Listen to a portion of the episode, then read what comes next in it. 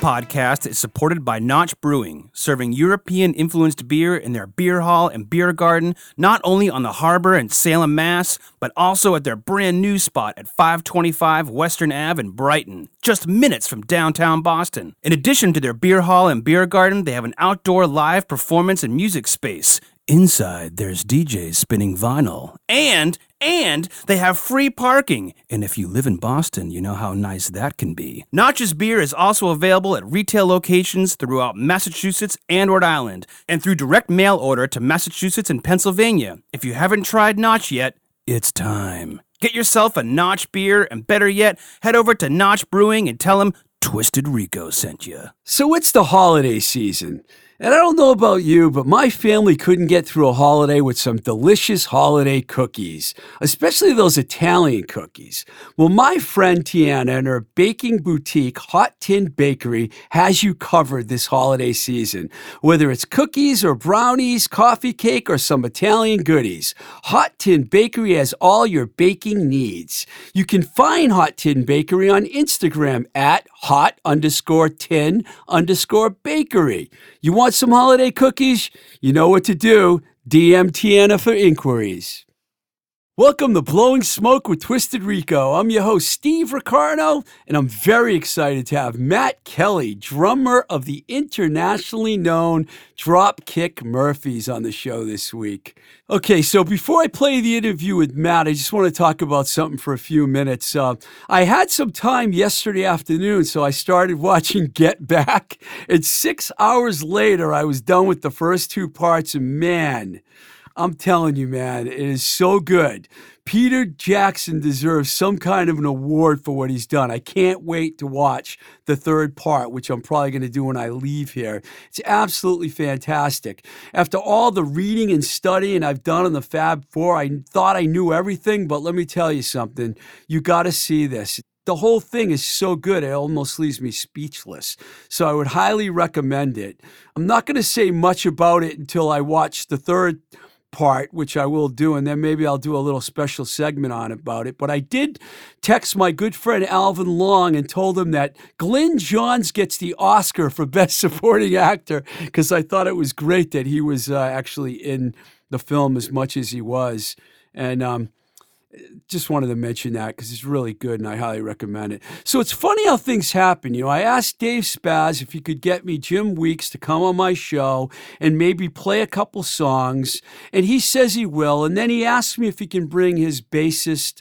Mike Kelly with him to play banjo. So I'm like, okay, sure. And then Mike comes in and we start talking, and he tells me he plays gigs with James Montgomery and he's friends with David Hall. And I'm like, well, you know, can you ask those guys if they want to come on the show? Because I'd love to have them. And then in passing, I say to them jokingly, and if you know anybody else that's famous, you know, ask them if they want to come on. Lo and behold, next thing you know, I'm texting with his brother, Matt Kelly, who's the drummer, the Dropkick Murphys. And we got Mike, we got Matt on the show. So I guess I owe Dave, Jim, and Mike all a thank you for this one. So the Dropkick Murphys just released their 10th studio album in April of this year, 2021, 10 albums. I don't know where the time goes, and I can't believe they actually have 10 albums out, but they do. The new one's called Turn Up That Dial, and we're going to play a track from it before we play you the interview with Matt. This one's called Good as Gold, and you have to check out the video. It's just absolutely a fantastic video. It just came out on December 8th, so it's brand spanking new. So here's the track, and after that, you're going to hear me talking with Matt Kelly from the Dropkick Murphys. Murphys. You lift me up, you bring me down,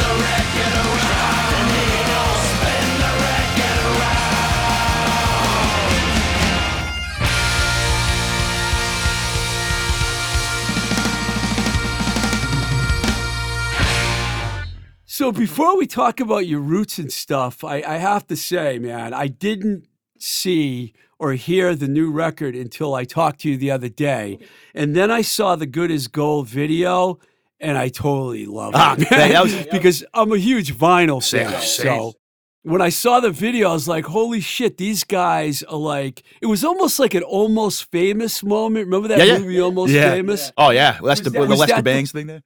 Yeah, was that? Oh, I love Lester Yeah, Bangs. Cream. was that the thinking behind the video? Well, I tell you, the the kid the kid whose idea was is Dave Dave Staubel, who's our like like uh, production manager. He started as a, as a guitar tech. He, he guitar techs for James for for uh, a couple of guys.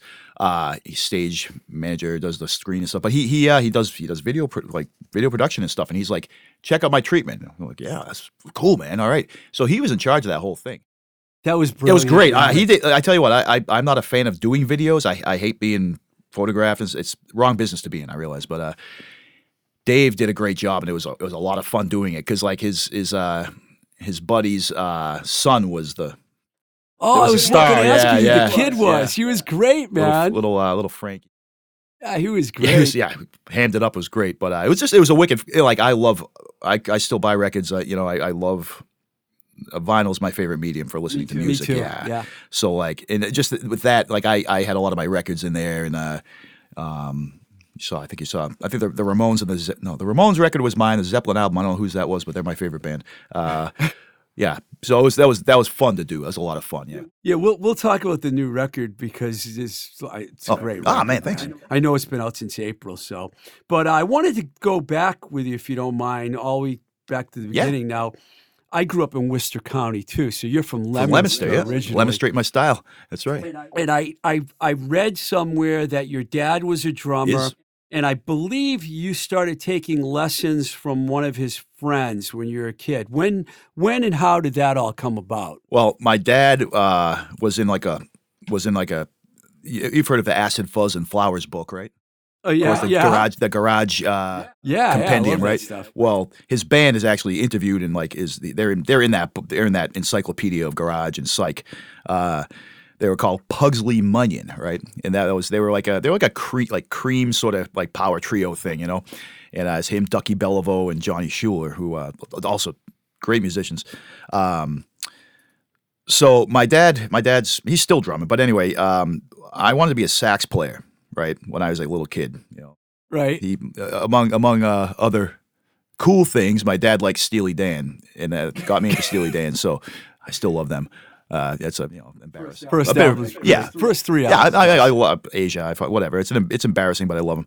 Uh, so anyway, I wanted to be a sax player, and um, my dad was like kind of maintaining his drums in the living room. He uh, he had uh, had every, had the drums out, had them set up and stuff like that. And I was I was eight. I'm like, ah, you know, Dad, I think I want to play drums. He's like, I thought you wanted to play saxophone. I'm like, yeah, but ah, th- this is cool. I, this this looks like really cool. He's like, all right, well, you're gonna have to take lessons because it's part of your education, music, you know, whatever. Yeah, gave me this whole philosophical spiel about music being important.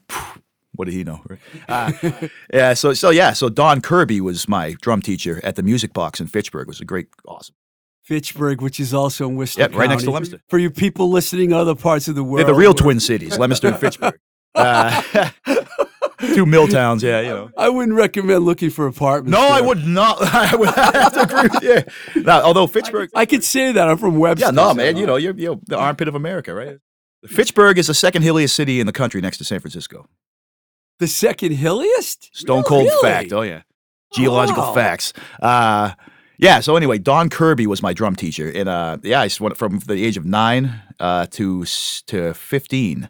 I took lessons from him, and I, the only reason I stopped was I like like any kid that age, I was like didn't really wasn't wasn't really paying attention to my lessons and was like more into like strapping the headphones on and playing along to records, which also very important, right? But uh, yeah, it fell off. We we didn't have a lot of money, so it was like, well, you're not really doing your lessons anymore, so you, you can we're gonna stop that, you know.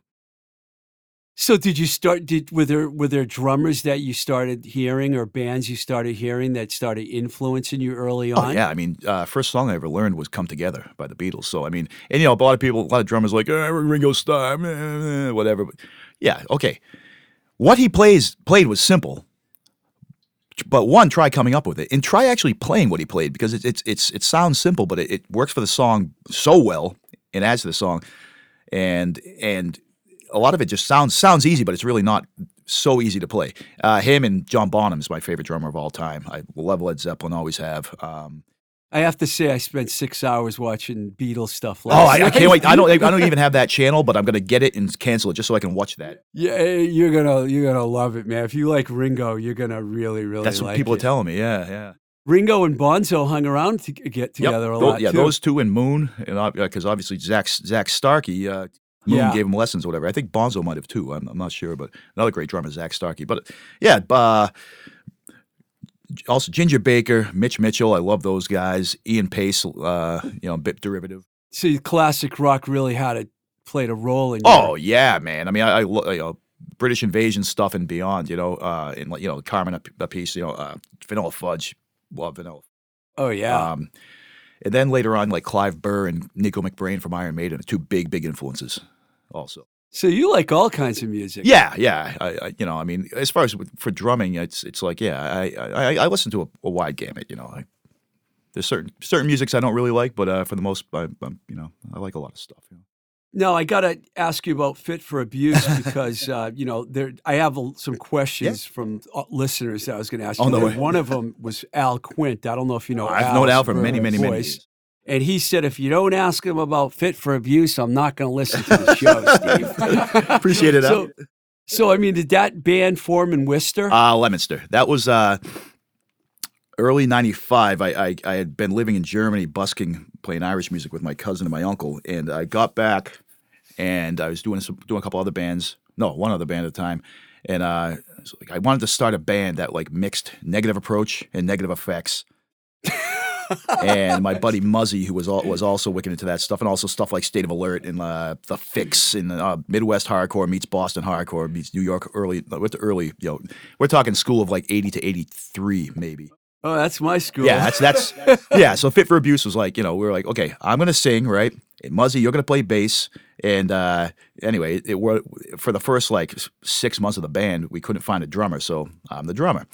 Uh, we finally found. We went through a couple guys. Uh, Kevin Rheault, who was the singer of Dive and actually plays drums and uh, plays bass and dropkicks now. Um, played drums for a little bit, and then we uh, had Mark Mark uh, Evans from uh, Entropy, kind of a grindcore band from out in Winchendon, and then we finally settled on one Joe the Mad Russian Shumsky on drums, and that sealed it. So yeah, Fit for Abuse. It was just it was just very basic, very like meat and potatoes, hardcore, real hardcore punk, no metal, no like wacky stuff. You know, Did you play a lot of shows? played a, a good few. I mean, we played uh when uh.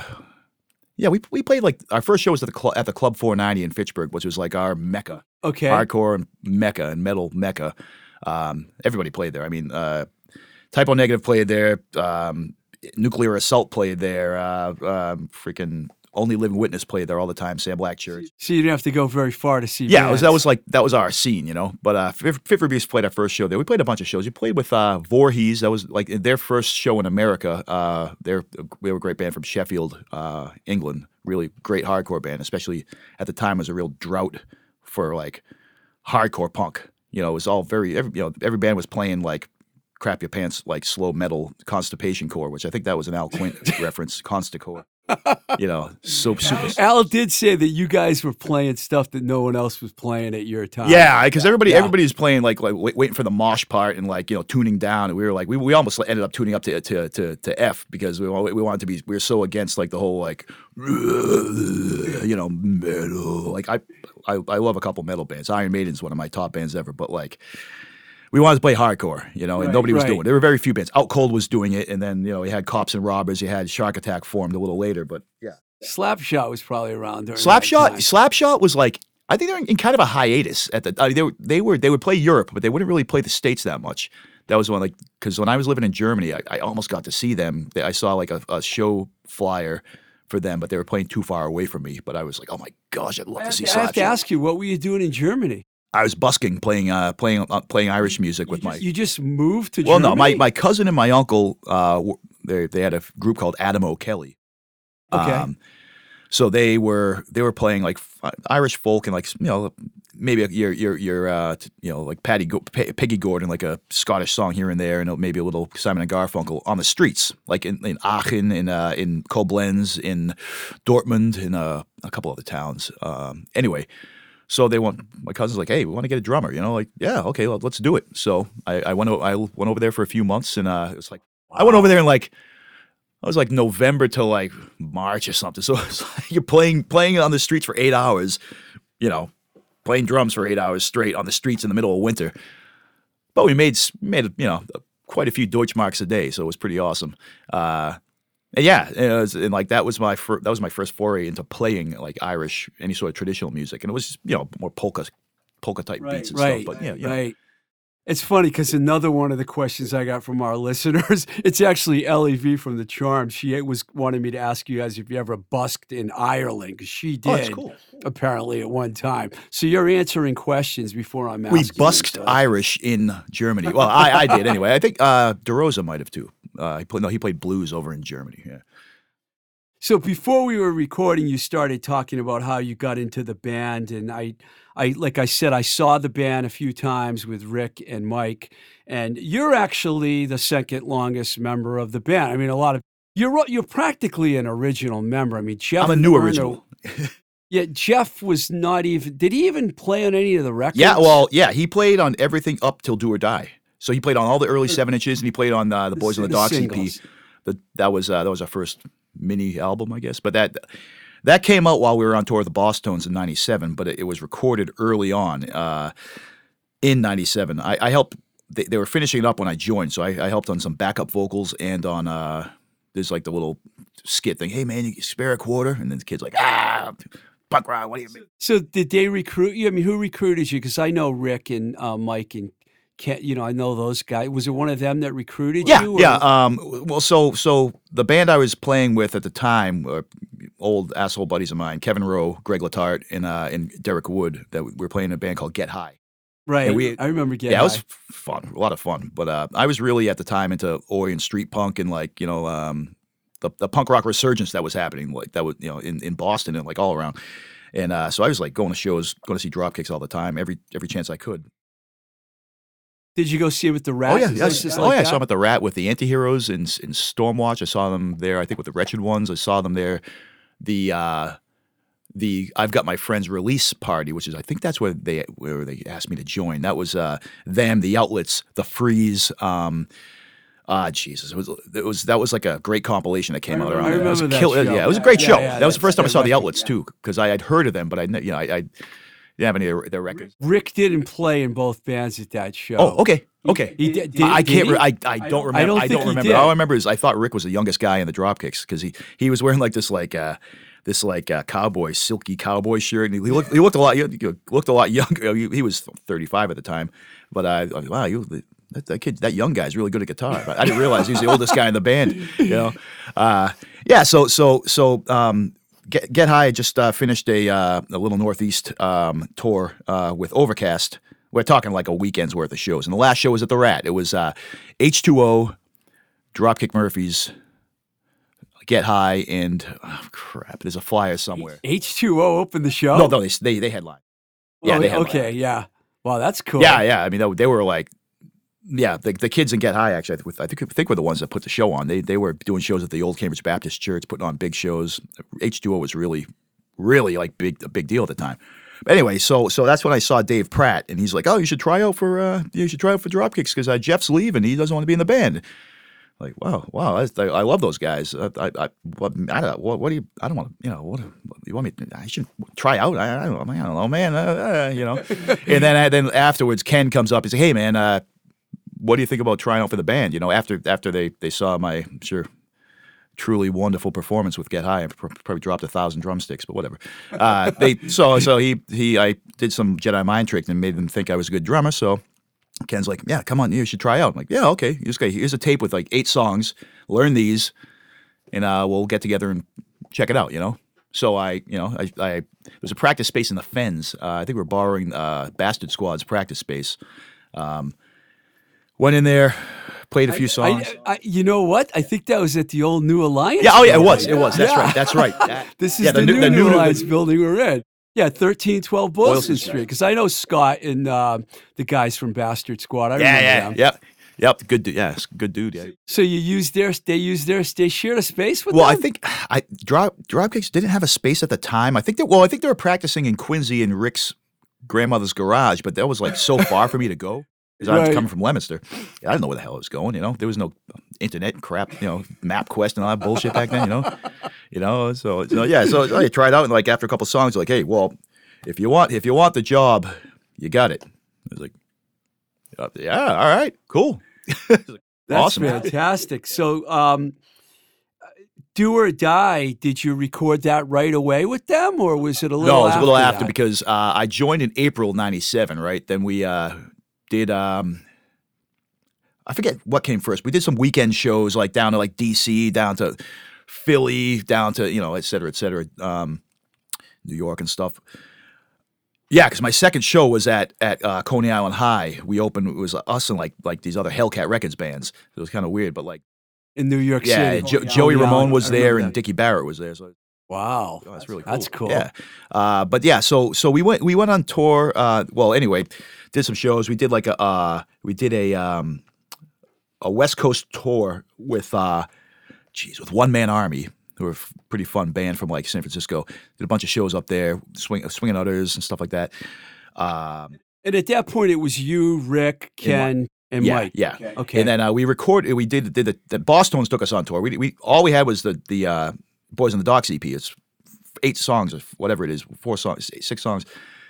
Took us on tour uh, on this huge tour because I mean that, that was you got to remember it's '97. Bosstones were they were went on to sell a million records. oh You yeah, I know. the the the impression I get right. Uh, freaking huge album, and they took us on tour for t- like I think a month and a half in the states and like a, almost a month in Europe, and like we were we were playing you know we were playing the Rat, like we were doing well. you were pretty young at that I was point. too, 20, right? I think it was 20, 21, 22. I was 22, Wow. 22. That's great. Yeah. And uh, yeah, so we got back, and I I forget when we, we started in the studio for uh, for Do or Die, but it came out by February uh, 98, I think. I think, that, I think it came out February. That's the, the big middle. Did you, did you record that at the Outpost? Oh yeah, oh Jimmy yeah. Siegel, man. Oh yeah, Yeah. Yep. Yeah. Oh yeah, and uh, and uh, Rich Spillberg was uh, was the engineer. Wargasm. Wargasm, yeah. Wow. Yeah, that band. Oh, wow. That band. I tell you, from metal, like I said, I'm not a big metal guy. Wargasm rules, man. Yeah, they were great. I had Bob on the show. Nice. Oh yeah, cool. Yeah, you're gonna have to I- listen. I to that definitely one, will. man. Yeah. Um, so you spent a little, a fair amount of time with that lineup. I mean, Yep. that's the original. You know, aside from The new originals. Yeah. Yeah, but that lineup played a lot together, a lot of shows Oh, up until Mike just said he'd had. Yeah, well, yeah, sort of. Yeah, in March, yeah, March, uh, we were on tour with the business, and uh, the last show was at the Fireball Cafe, Atomic Cafe, something like that, around the corner from uh, where Emo's used to be in, in Austin, Texas. What's your What's your story as far as that goes? I mean, did he just tell you guys he didn't want to be in a band anymore, or Yeah, well, because I've heard so many well, there was there was a lot of crazy stuff happening. Uh, like, okay, it was basically we were on tour with the business, and I, Mickey Fitz. This is a recent, recently. Uh, let's see, the anniversary of, of his death was like uh, probably like a week ago. Um, anyway, Yeah. they're they're they were headlining. It was them and us, and I I don't even remember who opened. I think it was just them and us, and like you know. Anyway, so what it would be was we'd play, we'd open, you know, open up, we'd play, people arm in arm, singing and dancing, having a great time. Business, the business would play. I don't know if it was because of the booze or what. It's like every show they they went on, it was like just a meat grinder. People just beating the crap out of each other. You know, it was, it was like there'd always be fights, drama, this and that. So that was it was coming off that. So like every night, you know, and then like one night at the Showcase Theater in Corona, um, a dude ended up getting just destroyed by a by a bunch of other guys, and uh, let's just say it didn't end well. And uh, it, it was freaky. It was freak, you know, freaked us all out. It sucked, you know. But I, I think that was Mike was like, I'm not doing this. Oh, okay. I hadn't heard And, that. uh, then, before. then, then, you know, they're like, you know, then after that, it was like, well, okay, well, we're gonna.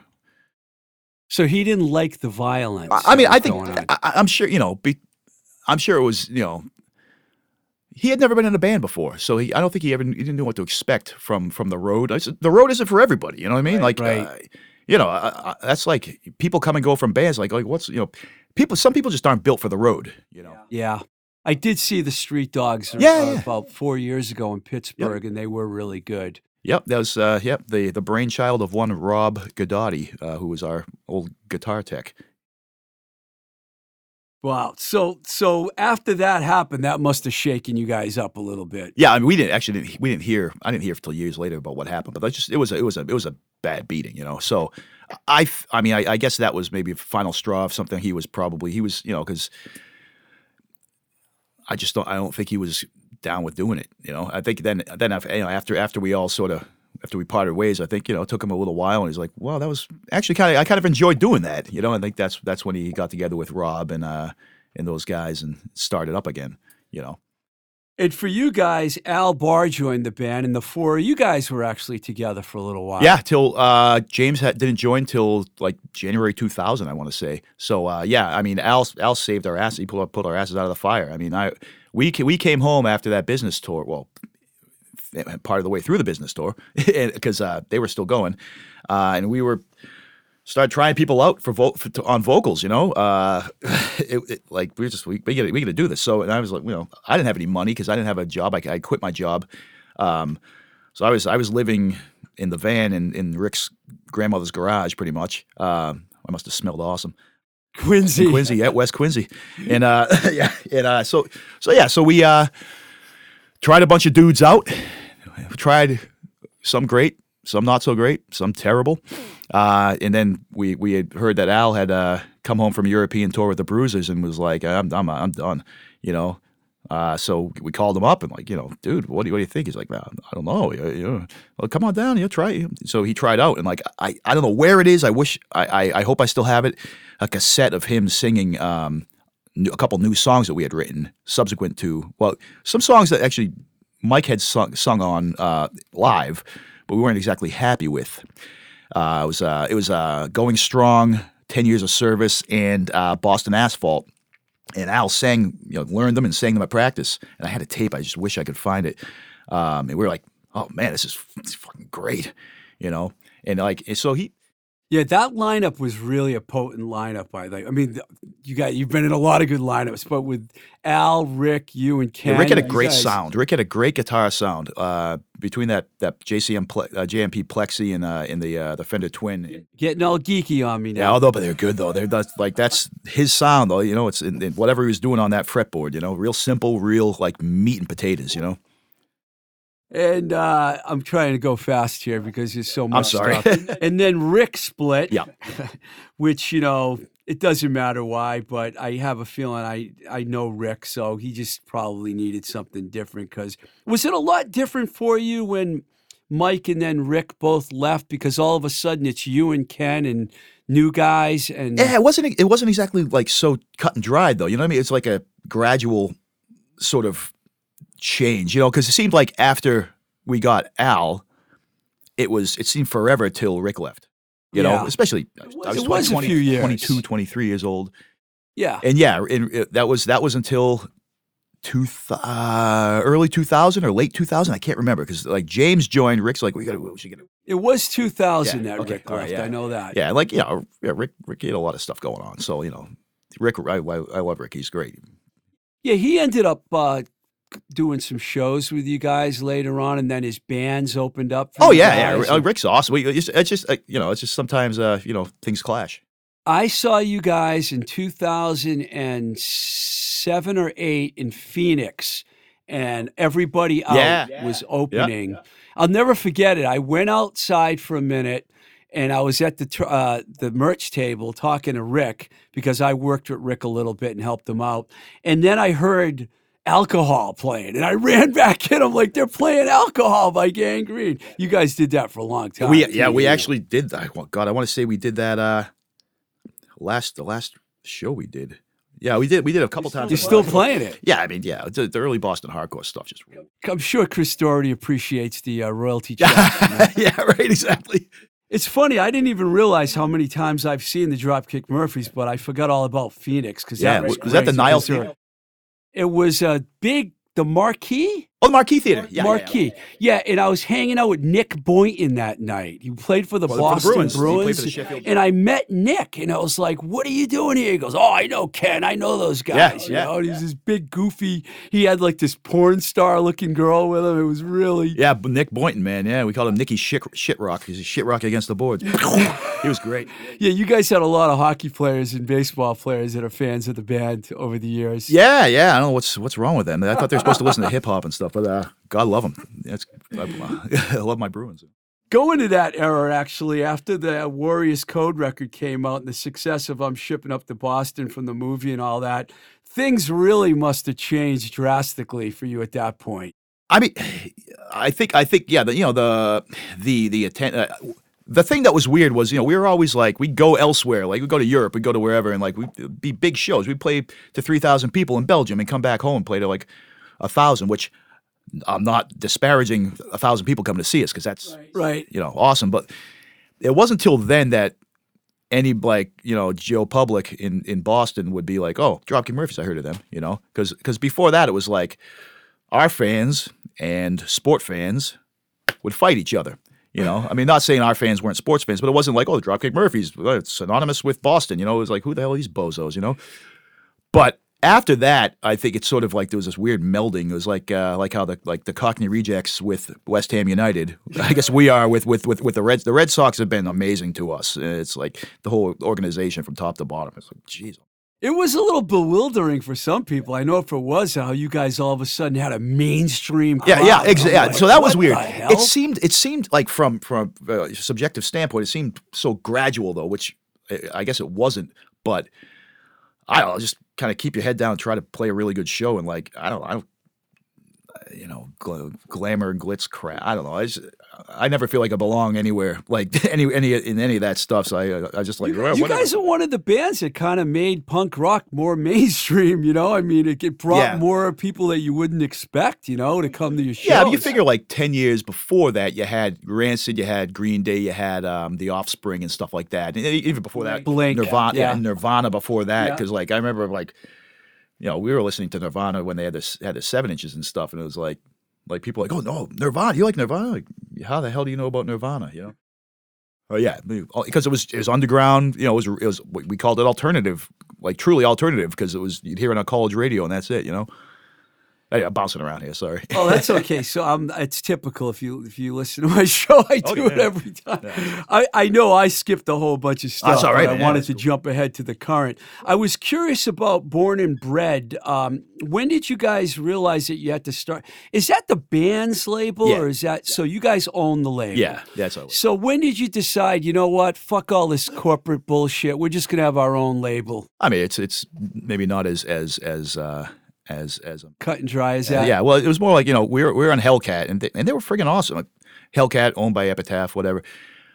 They were amazing. They were great, but it, it, we you know you end up being the in not not not you know sniffing my own farts here, but you're you're you're you're uh, big fish in a small pond after a while, and like okay, well we have all the capabilities of doing this ourselves because all we got to do is you know for, set up you know have a good manager and set up and this and that and set up you know um, set up for the for the release and advertising this and that which you know it's a lot of work but so we're like let's we're just going to do this ourselves so we were on you know born and bred was is uh, our own label but is you know is manufactured and distributed by warner right Yeah, I, f- I know you guys still have the major independent label group. Yeah, yeah, ILG. Um, so yeah, it was like you know why don't we just do this ourselves? And, and you know it's it's it was a gamble because hey, if it falls flat in its face, it's like you have nobody to blame but yourself. You can't be oh the label screwed us. Like you know you are the label. You know, but wor- uh, it's worked out pretty good. I'd it's worked say. out great. Oh yeah, I mean yeah, because Does someone actually run the label? no, I mean no, not really. I mean no, there's no there's no like guy You guys are like Apple. We were talking about the Beatles Yeah. before. It's kind of like if, Apple, we can, right? if we can find bad, a, a Badfinger or something, that'd be great. You know, you know Apple, yeah, Apple or Swan Song or James something. Taylor. right? Yeah, yeah. Um, I I thought that eleven uh, short stories of pain and glory was was an absolutely fantastic record. In fact, Blood, like the minute I heard that song, I just was, oh my god, these guys all of a sudden, uh, like I I mean, I know you had other hit songs before that, Rose Tattoo and all those other, but Blood.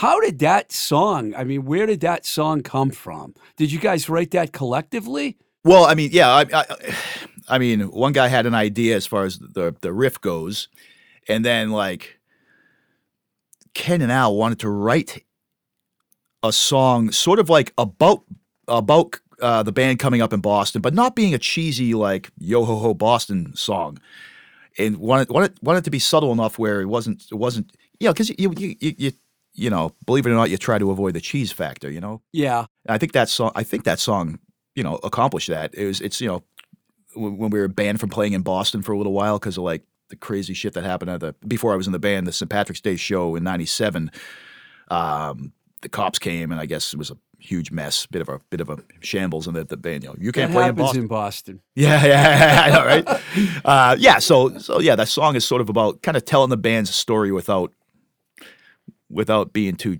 cheeseball, I guess. But Yeah, it's, it a, it's a fun one to play. So it's it's a nice break for uh, the- the old heart rate, but uh, it's fun to play too. Um, I saw you guys two years in a row at Stage A and E in Pittsburgh while you were touring on that album. That's why I brought it up. The first time with Rancid, The Bouncing Souls, and Jake Burns from Stiff Little Fingers, one of my favorite bands. I had to say that was one of the best shows I ever saw. After seeing Jake Burns play, I was like, oh my God, even though acoustic, he was great. Then the Bouncing Souls were like phenomenal. And I'm like, how can this show get any better? Rancid, you guys got pushed by those bands. That must have been a tour that you had to be ready every night, man. Well, yeah, I mean, yeah, uh, yeah. The way the way I mean the way the guys look at it, it's like if people are coming to see you, you got to be as good as you possibly can. Don't fuck, don't get up there, you know. Like, and it's it sounds it sounds corny, but it's it's like you play every show like it's your last. You know, it's there's no need to what you know why pump the brakes, you know.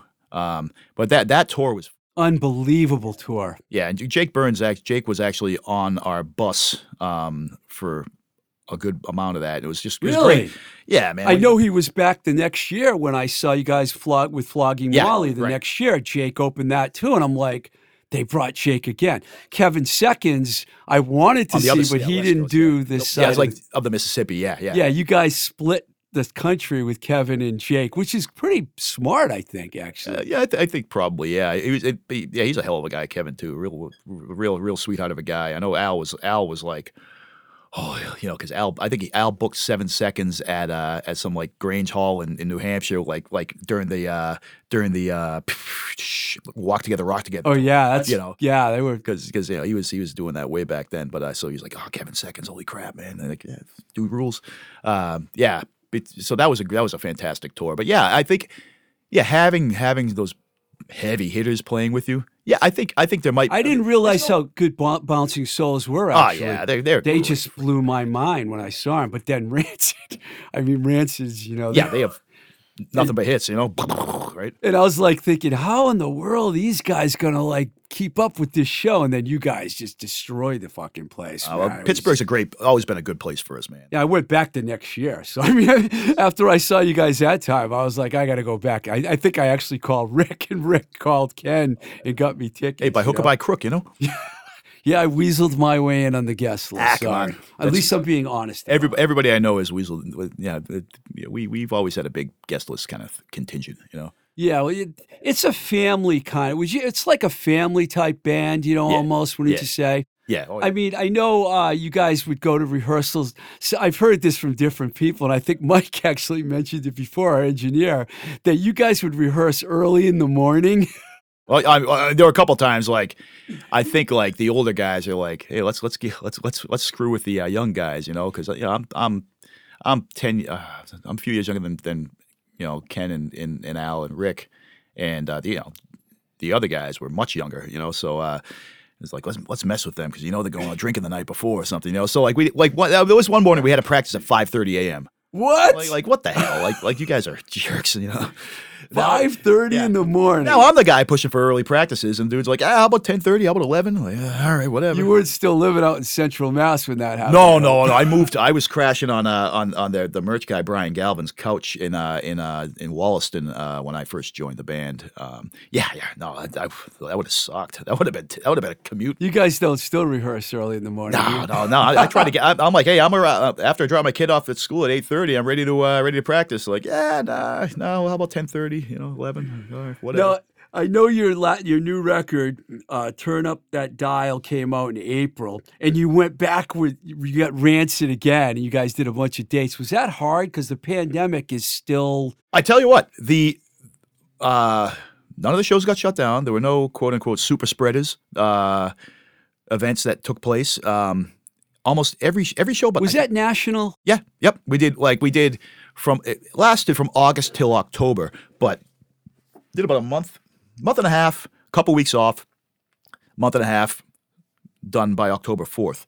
Um, but almost every show was outside, all but like five or six maybe. I heard you say in an interview that you don't like doing outdoor shows. I don't. I. Because I mean, when I saw you in Pittsburgh, that was the state. I don't know if you remember that venue, but that Of course, was a big- that's a huge place. in Yeah. between the Heinz Sta- Heinz Stadium and the uh, baseball stadium. yeah, they got the, the Mister Yeah. Rogers statue outside. There. yeah, missed. Yeah, Oh, that's a that's a killer venue. right on Yeah, the river. Right on the Yeah, river. you can do either indoor or outdoor there. yes, I saw Social D indoors there actually, but I don't like the indoor venue as much as the. Uh, I think I'm the opposite. Of. I, yeah. Well, I mean, I'm obviously after after two months of uh, almost three months of, of of playing outdoors, I I got used to it, you know. But like, you know, when we were doing the warp tour and stuff, you're out there baking in the sun in like the middle of August. That's you know, probably what turned you 110 off from the outdoor. yeah. I don't I don't mind sweating, but I hate the heat. Um, the Rancid tour, the last, th- this one that you just did, did it have the same kind of excitement as the last time you went out with Rancid? Well, I think even more so because people were friggin' shunning. You know, people couldn't Oh, yeah, do shit for a, a year and a half. You know what I mean? So people, yeah, I mean, it, the, the shows were huge. You know, it was it was awesome. It was a it was it was it was just friggin' great to be playing with the guys again. You know, and, and, it was great seeing the ring hanging out with the Rancid guys. You know, in, in the band the Bronx, great dudes. You know. Yeah, you guys have had a long relationship with those Rancid guys. Yeah, well, you figure, right? I mean, Yeah, Hellcat, Yeah, the yeah. Hellcat is Tim's Tim's label, and, and Lars produced uh, "Do or Die" and uh, "The Gang's All Here." So you know, just having you know knowing that, and just you know, we I think we were out the first time we were out there. We stayed on Lars's floor in uh, in San Francisco. Uh, yeah, so I mean, yeah, we've we've we go way back with those guys. They're great. They're gr- great friggin' dudes, you know. And and uh, Matt Freeman's actually from. I hope he'll kill me. uh, From either Lynn or Lowell. Really? I didn't know that. Or maybe Revere. Jesus Christ, or maybe Revere. Oh God, 'Cause I know. I'll- was going to Somewhere say up on the North Shore, Lynn, I don't they're all the same, Yeah. but boy, I'll get in trouble Ah, for saying that. I I already know. said it. Sorry. um, so you guys are going to go back out again and do a bunch of shows before you do your traditional St. Patrick Days shows. Is are you doing that again with Rancid, or is this No. like nope. what, Uh, what's happening this time? well, we're, ta- we're we're heading out uh, in, late Feb- late February, going into uh, late February. Just I, what am I thinking here? Yeah, we're doing Yeah, it's February. yeah, we're the right mid, up until St. Patty's Mid February to mid March, about a, about a month. We're taking uh taking the Bombpops from from L.A. and uh, in uh, Jesse Ahern from here um, out doing. Uh, I love how Boston bands always help each other out, man. but we learned that from the Tones, man. That was that was like the Yeah, that was they start. Did they start that pretty much? The Boss I. I want to say. I mean, they you know they had the uh the this, you know, the um what's it called there the uh, Boston on the Road tour. It was it was it Yeah. was them Bim Skala Bim the, the Amazing Royal Crowns and us. Drop. Uh, what was that? Table D in the ta- A Big uh, D in the kids table. Yeah, did, they were on one of those too, weren't they? Yeah, maybe. yeah. I don't know. Uh, yeah, Because they did that residency every year too at Christmas too. So I'm sure you guys did that too. I don't think we ever did the. Uh, oh no, we, we did it in Worcester. We did. Uh, that's what it was because we did it. We did at the Centrum because that was you know that was when they they were selling a million. uh, They were Boston's were like huge. You know? played the Centrum, huh? I might be totally wrong, but I th- I think I remember playing the Centrum. It was in ninety. It's called something else now. I don't Yeah, know what it's called. What's the center? DC, DCU Center. DCU Center. Yeah, yeah. That must have been a big homecoming for you playing in a venue like that with all your friends and family and everything. Well, it wasn't. It wasn't. That you got to remember. This is 1997, and uh, people were, you know, people they're like, "Well, what's he? What's what's Matt doing? He thought he's in some band. Oh, cool. You know, it wasn't. It wasn't like. It wasn't like you know. Uh, f- Ten years later, we're like, "Hey, uh, this is your father's cousin's former roommate. Uh, can I get tickets? You know." I got to tell you, man, I love your brother Mike, man. He was here with Jim Weeks, man. He's a really good guy. I listened to that show. Mike's Mike's uh, one of the best people I know, and he's probably the best bass player I've ever ever had the pleasure of playing with. He's a beast. And he's one of my favorite people because he got you to come on my show.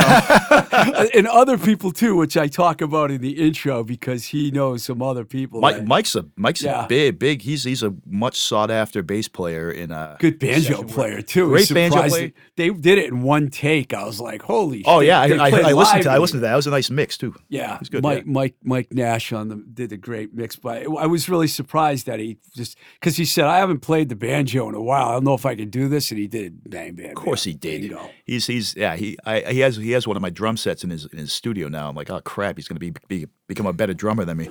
The kid he, he's just he's a monster at everything he does. But the, ba- the his bass playing is insane though. Yeah, he's he's a real Good guy, man. Must run, it runs in the family.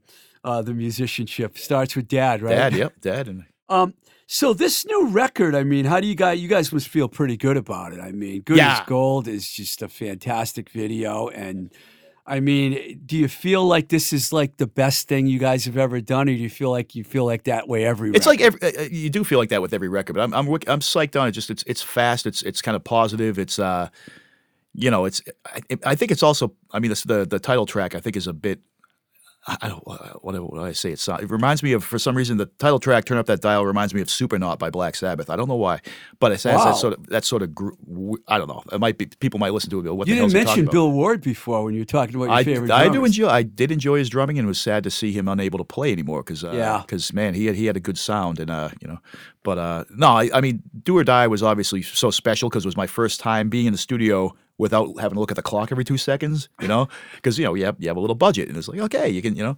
But uh no I loved I loved doing loved doing uh turn up that dial um and also but also 11 short stories because that was we did that it was the first time we ever like went away to do a record. We were out in uh tornillo texas near near el paso on the on the mexican border. So we were out there like living in the studio just like recording for three weeks and it was friggin' great experience you know Do you feel like the band's like more respected than ever now? I mean, what ten? What is this? The tenth album or the 10th, eleventh? 10th album 10th album Ten albums, man. that's funny i know it seems well it, That's like Queen, dude. Yeah, yeah. Put us in that put us in that echelon uh, that we do not deserve it. But uh, yeah, it's it's it's it's crazy that like it just doesn't seem like it's been that long. People are like, oh, 20, it was 25 years. Like, really? You guys are up for the Rock and The Roll time- Hall of Fame now. Twenty five Oh, years. Jesus Christ. that, that that would be a true travesty. I like how you worded that. Nah, you know, seriously, man. That's the Do you feel like personally you've accomplished more than you thought you would ever accomplish as a musician in your life, or do you have a lot more you want to do? Well, dude, like, okay, when I joined the band, okay, when I was four, I said I want to have tattoos, I want a motorcycle, and I want to be in, in a band. Of course, it was a saxophone back then, but uh, I accomplished that at the age of 20, 22. So I was, or 20, well, actually, I was 21. So was, that that was that was my only real dream in life was to to, to be in a, a band that I love and like tour. And uh, it's so it's just gone beyond, you know. It's uh, I thank God. I mean, it's it, it's insane, you know. You guys all seem to get along pretty well. I've seen, I saw this thing that you did on WMMR where it was an interview and an acoustic set at the same time. Yeah. it was it was funny actually. Some of the questions the guy was asking, I was like, I'm not asking some of those questions, but you guys pulled it off, man. You know, I mean, It's fun, you know. Yeah, I mean, like you know, you, it's it's it's weird. It's like a it's it's what you said, like a family band. The band kind of becomes family because you're with them more than your family. You know, I mean, not everybody gets along twenty four seven, uh, but like you know, you, you hear these bands that have like actual fist fights and friggin' they they you know they just don't even look at each other, kind of stuff like that. Like, wow, it's gonna be so hard. you know, I worked with Poison a long time ago, and I was Oh, I telling, heard that. Yeah. telling Mike before that when I saw them the last time, they all had their own tour bus, all four members. So some bands, Well, I- I think it's like. I think in some ways you have. I mean, is it because of they can't stand each other, or is it because privacy maybe. the egos, you know, their the heads can't fit, you know, through the door at the same time, kind of thing. You know, uh, I, I mean, I don't know them, so I, uh, but like you see, you know, you They've had a couple fist fights on stage. gotcha. so- Okay, okay. See, I, I didn't know the history, but like you know, I think it's it's uh, a, a question of well, can we? Then why don't we? You know. With, with some bands, with you know, like the reasons for some people doing stuff, it's it's not necessarily what it maybe appears to be. I don't know. I don't know. But with them, I guess yeah. I just wanted to mention something else before I ask you some of these questions some of my listeners sent in. Um, it's really funny. James Lynch, your guitar player, I was a huge fan of the Lynch Mob. okay, Yeah, his man. father's band. Yep. Oh yeah. Okay, so I used to go to all their shows. Dougie Hartwell, I knew the guitar player in them. I, I every time I bring this up, they get mad at me. But I was at the famous Battle of the Bands when there was a brawl that broke out between the bands Oh, okay. on stage, and you know, members of the Lynch Mob were in that brawl. Nice. And um, I just think it's fantastic for someone like Patrick Lynch. You probably met. I, I know Pat. Of course I know Pat. He Yeah. won't let me call him Mr. Lynch. He's, he's Pat Lynch. Yeah.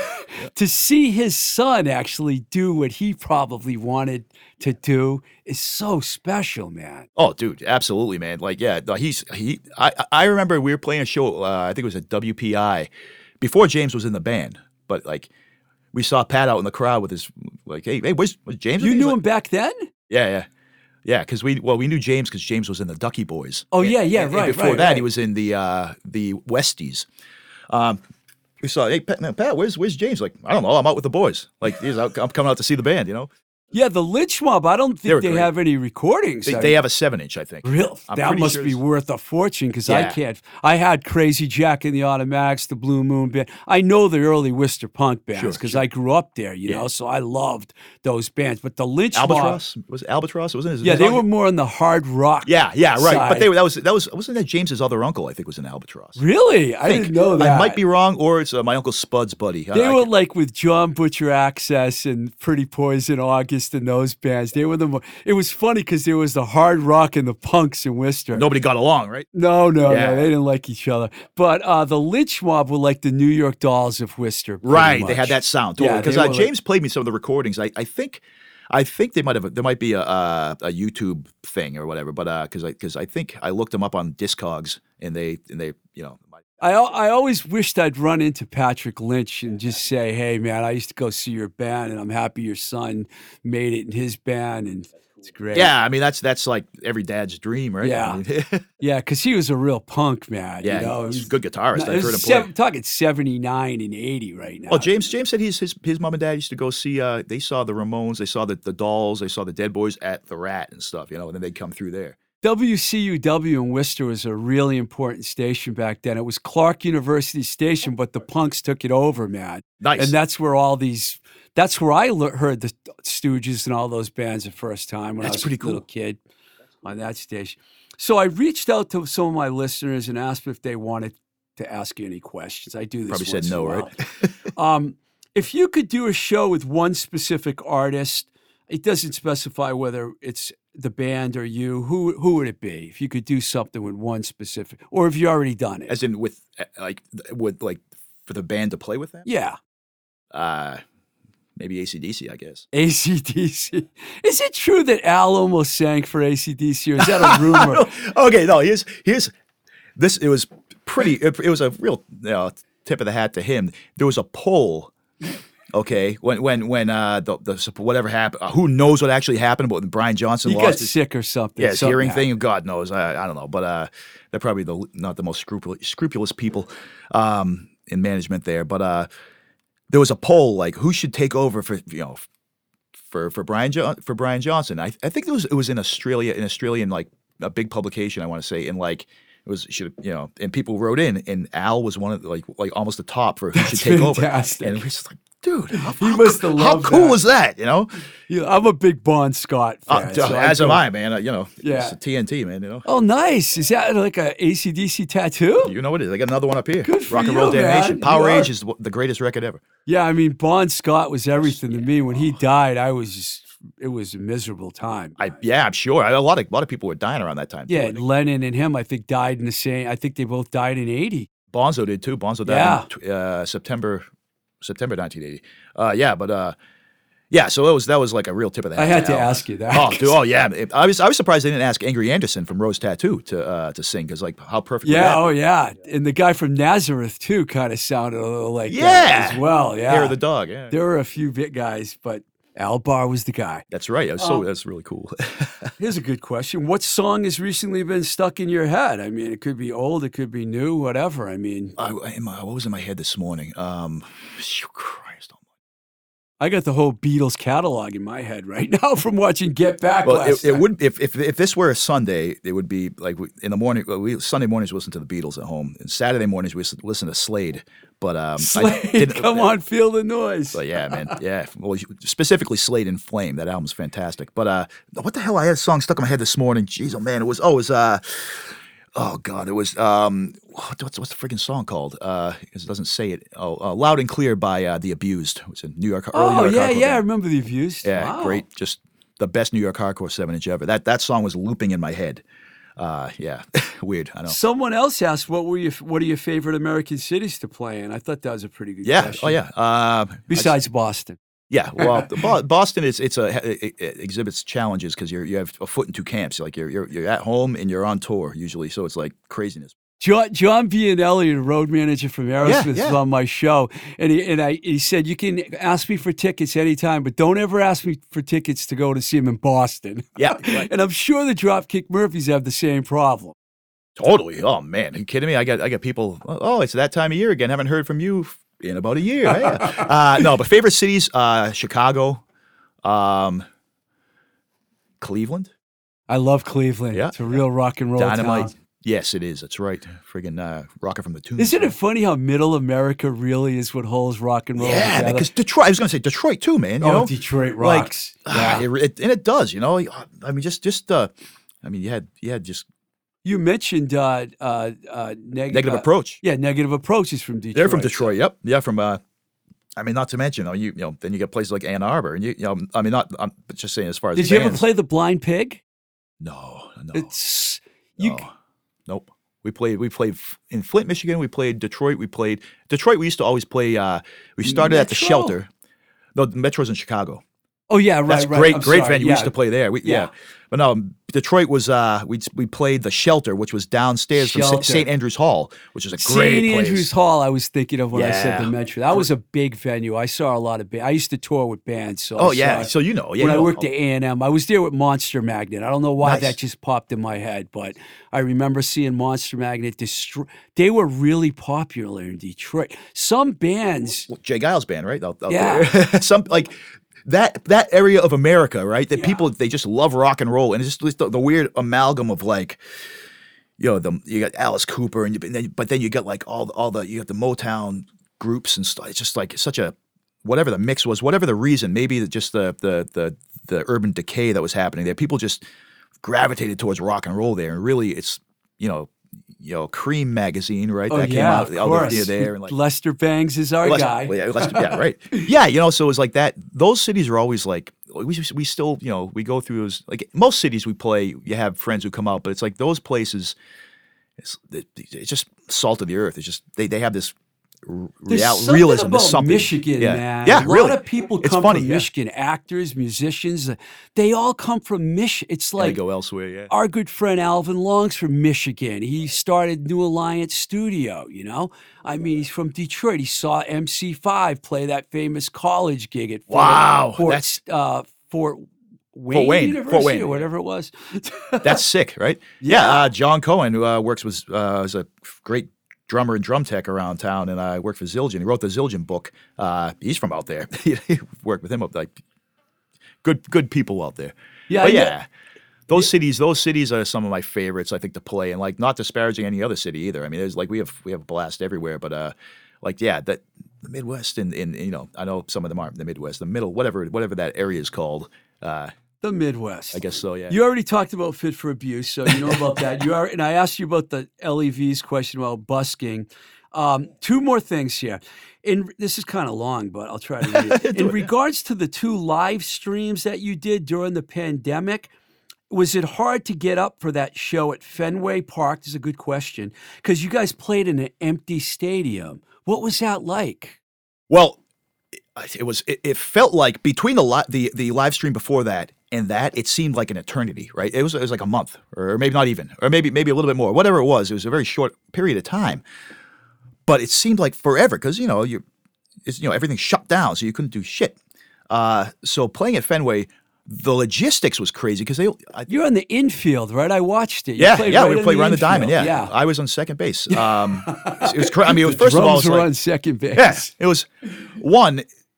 for them to have been able to pull off what they pulled off, the crew and the, the, the, the, camera guys and all that, I think they only allowed 38 people in the stadium because they didn't know what was going on at the time. They thought if you looked at somebody, you got COVID or something.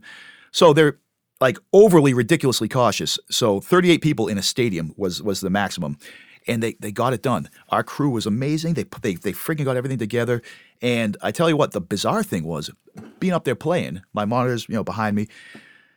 It was probably the best stage, quote unquote, stage sound I've ever had. Really? It, it was like it was like as crystal clear as being as like a studio mix, but with the uh, ambient sound of it was just like after it was like didn't that sounded so good it was it felt so good to play Says the guy that doesn't does- doesn't like to play outdoor shows. I know yeah they, they- yeah I mean I was we were in Fenway Park though so was it out there no but like I I feel bad for the guys in front You know, I'm always in the back right Yeah. so like I I'm I'm interacting with the dudes but th- they've got to like they're looking at the crowd and there's no crowd there so that must have been tough. I mean, we all had a great time. It was a blast to play again. It was a friggin' blessing to be able to even do that, right? And and you're and you're in Fenway Park. You're on you're Yeah. on hallowed ground where you, where where you, no you know non baseball personnel type guy is even supposed to touch you. Right. supposed to stay off the grass. You know, uh, so it was it was amazing to do. It, it it was like an absolute pleasure to do. All right. sick. One more question. Yeah, yeah, sure, man. There, I've apparently the word is that you've never missed a show as the drummer of the Dropkick Murphys. Is that true? I've never missed a show I was supposed to play. There have been shows without me, like uh, acoustic things and stuff, and like you know, um, I think there was. Uh, But you never had to have. They never had to get a replacement drummer. no, almost one time uh, on we were on tour. We were in New Orleans, and there was like a there was a virus going through the tour. It was like it was a friggin' nasty, like like a good like I think it's a thirty six hour like just like some stomach bug. It was it was awful, right? And I thus far avoided it. And we we played played played in Houston at the House of Blues on our way to New Orleans, and I was like, "Wow, my stomach feels a little weird." Uh oh. Oh boy! So I'm in the. I'm like, yeah. If people don't know about uh, bathrooms in, in tour buses, uh, you're not supposed to uh, do number two Right. there. Unwritten Uh, rule. Yeah, yeah. So yeah, as I'm I'm I'm in there like just blasting from both ends in the bathroom all through the night. And like I finally my stomach, stomach finally calmed down and I I'm sitting there uh, I mean I'm in my bunk. It was like I'm sh- just shaking with fever and crap. And Evan, our tour manager, uh, comes in. He's like, "Hey, Matt, you, you all right, buddy?" He's, he gave me like a he gave me a peanut butter sandwich because so try try putting this down. You know, I could barely lift my friggin' head up off the pillow. I was shaking, like my muscles were just fucking giving out of me. I, I I was able to keep the thing down, but I didn't go into the, I didn't go in. I didn't set up my drums. Uh, one of the other guys set them up, and uh, and Tim Brennan, the guitarist, Yeah. and Kevin Rheault, who was at the time teching for us, I believe, who's now our bass player, uh, was teching for us. They they were gonna ta- they were gonna play drums and shifts, and they were gonna do some the band was gonna do some acoustic stuff, whatever. Uh, but yeah, I was a friggin' mess. But uh, by the time showtime happened, I, I was You were a I- trooper. I, I, I, I sweated out. Uh, I and I afterwards I felt like okay, I, I got it out of my system. I think I think because the drums being what they are and the, the physicality of it, I think the virus shot through me through me in about 16, 18 hours. Uh, but that was the I was I was I felt like I was on death's friggin' door though, man. It was brutal. So Well, I, I, think almost it's missed that. amazing that. you've played. You've never missed a show, man, in all those years. And I- Yeah, well, you know, if the, if if, if, you know, if, if the for drum, well, it's, it's just doing what I I should be doing, you know. Thanks for coming down, man. Yeah, hey, thanks for Great having me. This, this has you. been a lot of fun. Yeah. And good luck with the new record. I love talking about myself. No, actually, it's it's driving me crazy. But thank you and thanks. Yeah, the, uh, yeah, get the new record. All right. It's a lot of fun.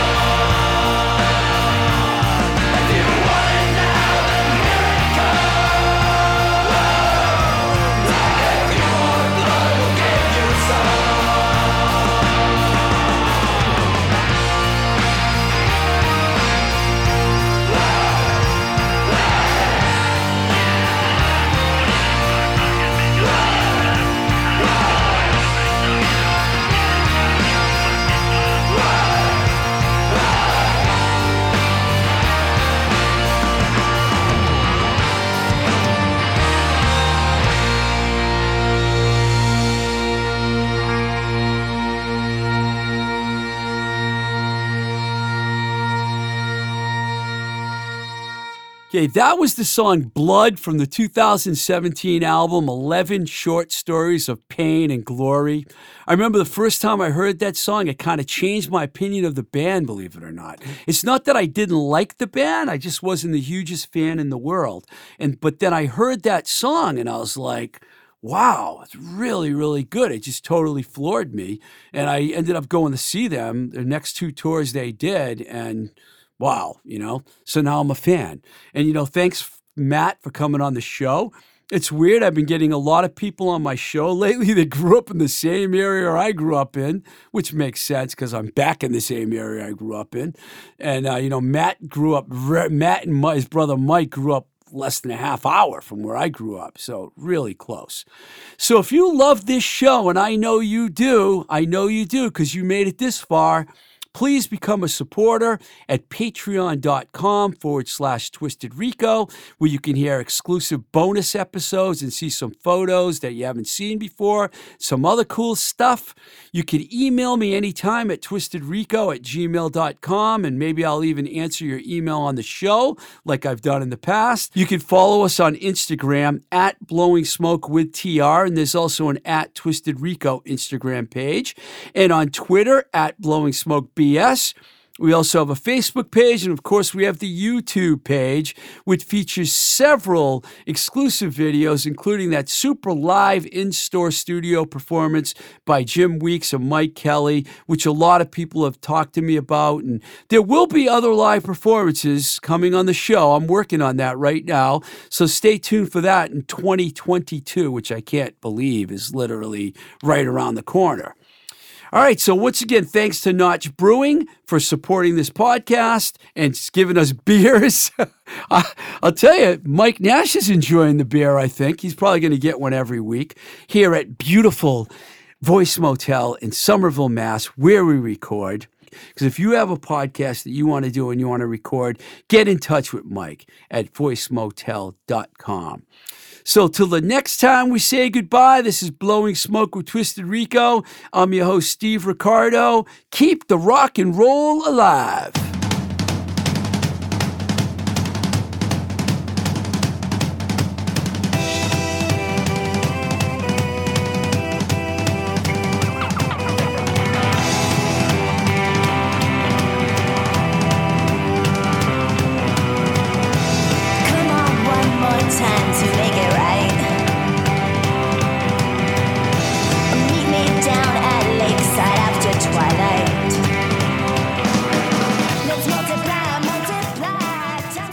Voice is recorded at Voice Motel, voicemotel.com, your complete podcast recording experience, located in Union Square, Somerville, Massachusetts.